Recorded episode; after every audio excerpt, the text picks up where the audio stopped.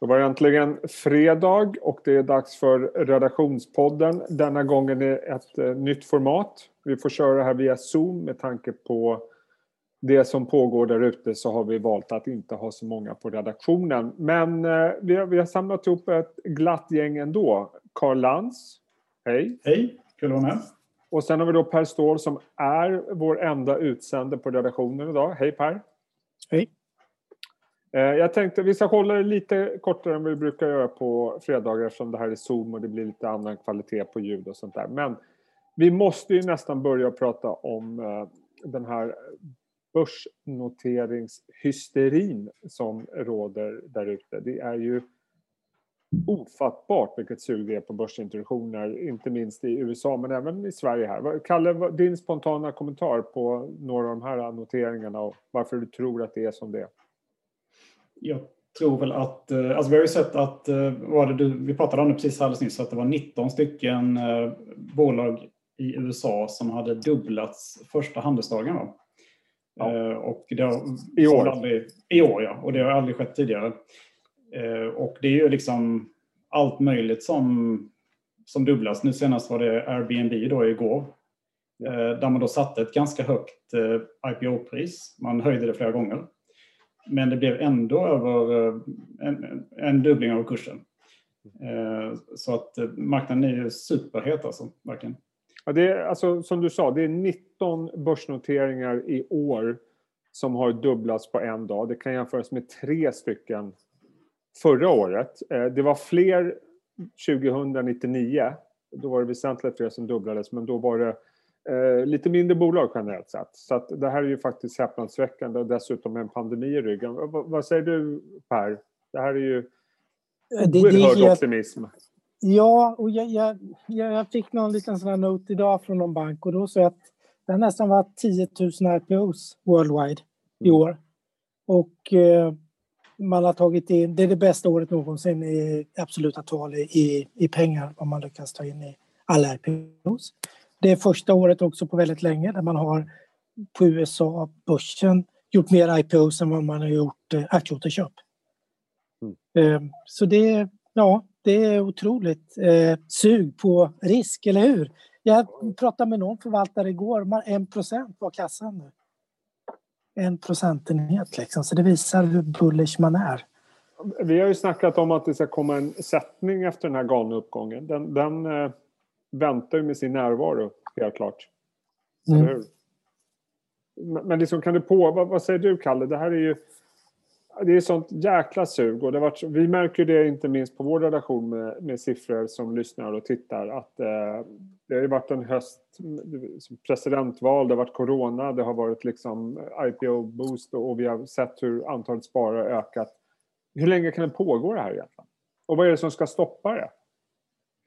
Alltså jag, eh, marknadsmässigt så, här, så, så, känner jag att det är dags för en, eh, en rekyl.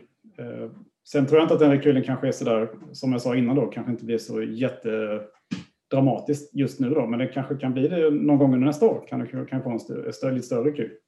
Eh, nu tänker jag mig att det kanske kan bli en nedgång på kanske 10 procent och sånt där innan vi är ganska vidare upp. Men det man känner är väl lite så att nästan alla människor är på väg att ge sig in i, i börsen nu nu börjar jag få liksom mail, min, privat, eller min mail här, Kåre, där, de frågar om eh, vilken aktie ska jag satsa på. Jag har aldrig köpt en aktie förut. Eh, och den typen av mail har jag faktiskt aldrig fått förut. Så det visar ju att alla ska in. Verkligen. Alla ska med. Eh, per, du som eh, är ju också generellt sett en optimist. Får inte du lite ont i magen? Jo, men visst liknar det. Jag tänkte bara på de här senaste dagarnas IPO. Mm att det liknar ju lite 99 och 00, början på 00. Ja. 99 känner man ju lite samma vibbar. Ja, lite. Tycker jag. Det är otroligt sug efter börsintroduktioner. Och... Vi har haft några i Sverige också. Eh, Thunderful kom väl in på 50 tror jag om jag minns rätt. Den ligger på dryga 70 nu. Fasadgruppen var väl upp mm. en 30 procent första dagen. Eh, och jag hade ett snack med eh, Eh, per Andersson på Spiltan om det här, om han deltog i någonting och det gjorde han inte. Eh, och det han noterade var liksom att nästan alla de här bolagen har ju liksom uppfyller någon av kriterierna eh, digitalisering, eh, ESG mm. eller compounder. Som jag tror fasadgruppen är väl en sån. Så att det är liksom de här modeorden också som verkligen eh, får det här att pulsa ordentligt. Jag vet inte vad som ska stoppa det. Är det en sektorrotation så småningom eller?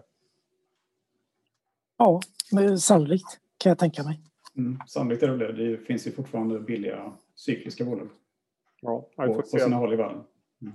Ja, jag tänkte att vi ska återkomma nästa fredag innan julen där. Då kommer vi liksom försöka sammanfatta vår och er bild på 2021. Så kan vi prata lite mer om vad som förväntas då.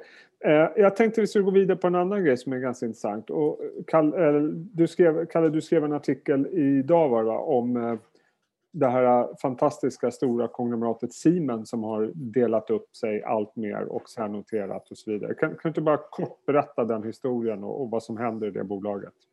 Yes, jo, Siemens har ju precis eh, knoppat av eh, Siemens Energy som var ungefär en tredjedel av Siemens. Och Siemens är ju det här jätte, tyska jättekonglomeratet då, mm. Eh, med flera hundratusen anställda. Och ett par år tidigare så knoppade man av Siemens Healthineer som är deras hälsovårdsbolag. Och det vet jag att Per har skrivit om. De la ett bud på amerikanska Varian här precis. Så det är också en jättestor del. Och de har även knoppat av tidigare då, vid förra galna marknaden kopplar man Infineon som är då världsledare vad gäller halvledare till eh, elbilsindustrin idag. Eh, och de har gjort massa andra avknoppningar också då ehm, som kanske inte har varit lika framgångsrika. Men, eh, och då undrar man lite vad som är kvar i Siemens. Men det finns ju ganska många intressanta delar kvar faktiskt. Bland annat ehm, Siemens Mobility som sysslar då med ehm, rälstransporter och det intressanta här då är att det finns en, en, en hållbarhetsaspekt i det. De håller precis på att utveckla eh, vätgasdrivna tåg. Eh, där man då skulle kunna ersätta eh, diesellok med. Och det är då ett eget bolag också som man förmodligen också kommer att knappa av förr eller senare. Sen sysslar de också mycket med smart infrastruktur, alltså det här med smarta elnät. Kommer också in på digitalisering.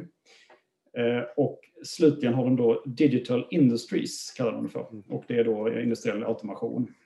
Eh, så att eh, det har väl än så länge, det kan bli en väldigt lyckad styckning tänker jag av, av Siemens. Eh, I alla fall min bild av det. Hur ser du på Siemens Healthineers då Du skrev om det alldeles nyss. Ja, men jag gillar ju det. Men det är lite, vi pratar ju om det och jag, jag, fick inte mothugg men jag fick en annan dimension när, när Jesper som kan medtech väldigt bra då, Eh, gav kanske lite annan syn. Men, men på pappret ser det väldigt bra ut. Mm. Eh, men det vet man. Allt som är på pappret blir inte alltid jättebra. Det, så är det inom både företagsvärlden och idrottsvärlden. Så det, men det ser väldigt bra ut. Och jag har läst runt lite. Det finns inga bra siffror, men det är flera som tror att säger att tyska bolag är ganska konservativa i sin guidning och de har varit ganska konservativa i, i synergiguidningen. Och skulle den lyckas bli lite lite bättre eh, på kostnads och intäktssidan så ja, då finns det väl lite uppsida här. De ser ganska bra ut. Men det, det, det är kostsamt och ibland är det smärtsamt kanske. Det, som är... det har vi ju sett historiskt. Jag ska, ja. bara, jag ska låta ja. det komma in. Det är smärtsamt att göra sammanslagningar och stora sammanslagningar. Så det, det, men på pappret tycker jag att det ser bra ut. Det, det, är ju superintressant det här att de köper Varian tycker jag. Eh, alltså Varian och Elekta har ju varit liksom, de har ju kampat mot varandra i väldigt många år. Det har i princip varit bara de två eh, bolagen inom den marknaden. Så det har ju liksom alltid varit en kul jämförelse att kolla dem emellan. Och min erfarenhet, jag har faktiskt besökt Varian en gång i Palo Alto tror jag det var. Eh, så har de varit väldigt duktiga på försäljning, Elekta har varit duktiga på forskning. Så var det förut när jag följde, nu kanske det har ändrats, det vet jag inte.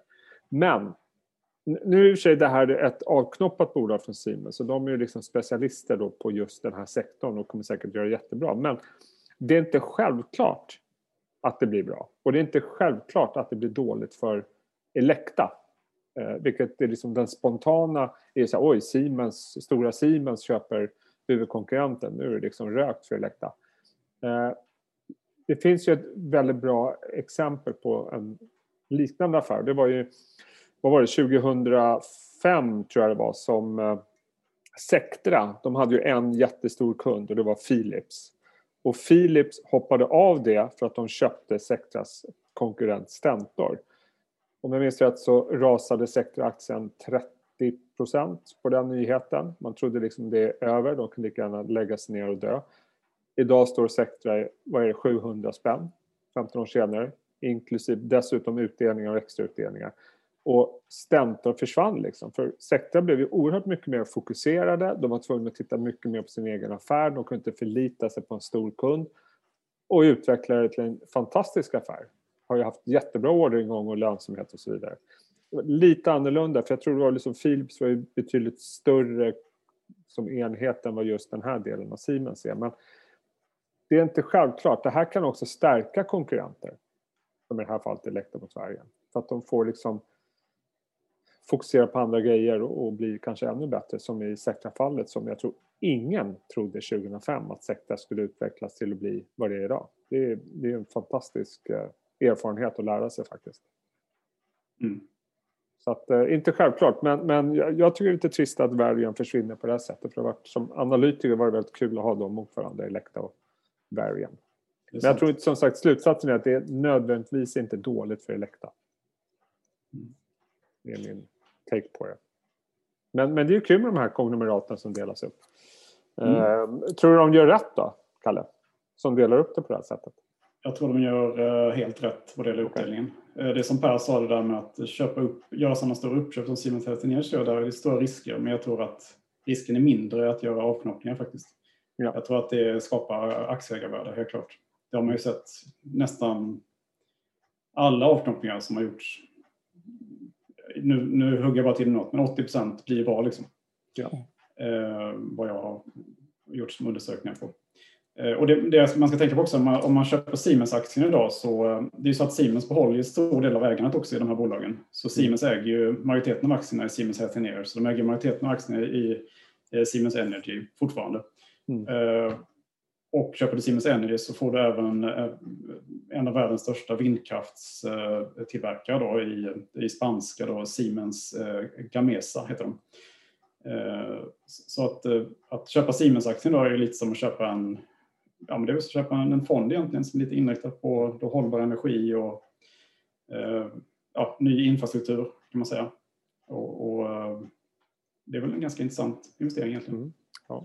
De har ju erfarenhet minst sagt i det här bolaget. Eh, vad var det jag tänkte säga? Ja, intressant. Vi, som sagt, vi får återkomma om eh, våra respektive tankar inför 2021. Eh, det som är skönt att prata med, vi behöver ju inte vara överens. Liksom. Det är skönt. Vi behöver inte ha en gemensam syn. Eh, jag tänkte bara avslutningsvis eh, utifrån det ni ser i marknaden, den här hyperoptimismen. Har ni själva varit aktiva i era investeringar senaste tiden? Jag har ju hyvlat av ganska mycket. Eh, så att jag har tagit bort all belåning ja. Eh, och har lite, lite kassa också till och med. Eh, och jag brukar ha normalt sett kanske 10, mellan 10 och 20 procents belåning när det är normalmarknad. Men jag ser risker framöver här inför årsskiftet. Okay. Och kanske även i januari då. Så att jag har sålt lite grann i Palantir och lite Infineon också som har gått så otroligt bra. Då. Mm. Och det enda jag har köpt är Elanco Animal Health som är världens största djurhälsobolag. Då. Och där har vi en annat, annat eh, intressant styckningscase eh, som då är eh, tyska Bayer som har haft problem då, som var tvungna att sälja sin eh, djurhälsodel här till eh, Elanco. Okay. Eh, och de har haft lite problem med att svälja den så att säga. Eller, de har haft ett över, överhäng av aktier då, som har eh, sålts ut. Eh, så att där ser jag kanske lite uppsida då, om inte minst nästa år. Vad säger du Per?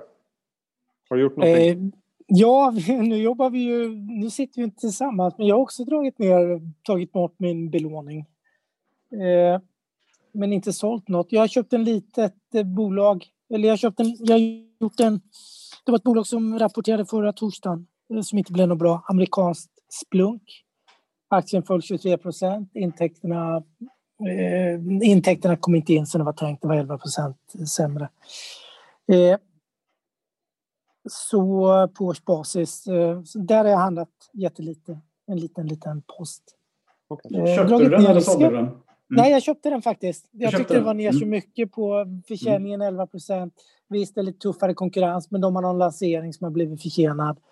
Eh, och de jobbar ju både med, vad heter det, mjukvarusäkerhet och övervakning och analysverktyg inom maskin, maskinlärning, inom Mm. AI. Så vi får se. Men litet, litet sådär. Försöker, jag bottenfiskar ju aldrig annars, men jag, så är det. Nu blev det Förutom i. Swedbank som du har bortfiskat i. Ja, den har jag sålt. Det är faktiskt. Swedbank som finansierar det här. Mm. Eh, så är det. Intressant. Mm. Ja, Mm. jag annars, är det så många som pratar om att eh, man ska ha bank nu. I alla fall många av Mm. de här etablerade förvaltarna säger ju det. Det är väl när alla har köpt det liksom. Då är det väl intressant att man, då tycker de att man ska äga det också. Får se vad som händer. Jag, som, som ni vet, jag gör inte så mycket. Sitter ganska mycket still. Men jag, jag har fortsatt öka lite exponering mot emerging markets och eh, hälsovård. Mm. Eh, men det är lite längre brett, framförallt hälsovård. Emerging Ja. markets tror jag kan nog vara bra att ta till med tanke på dollarutvecklingen också. Inte Det minst. tror jag också är jätte, jättesmart att göra. Vi får se. Vad som Och det här är väldigt kortsiktigt då, den här, det här, den här nedgången som jag, som jag ser just nu. Då. Precis, det ändrar behöver inte den- det man är... Nej, det, det ändrar inte den fundamentala positiva börssynen som jag vet att ni båda har. Eh, vad säger ni, ska vi ta helg eller?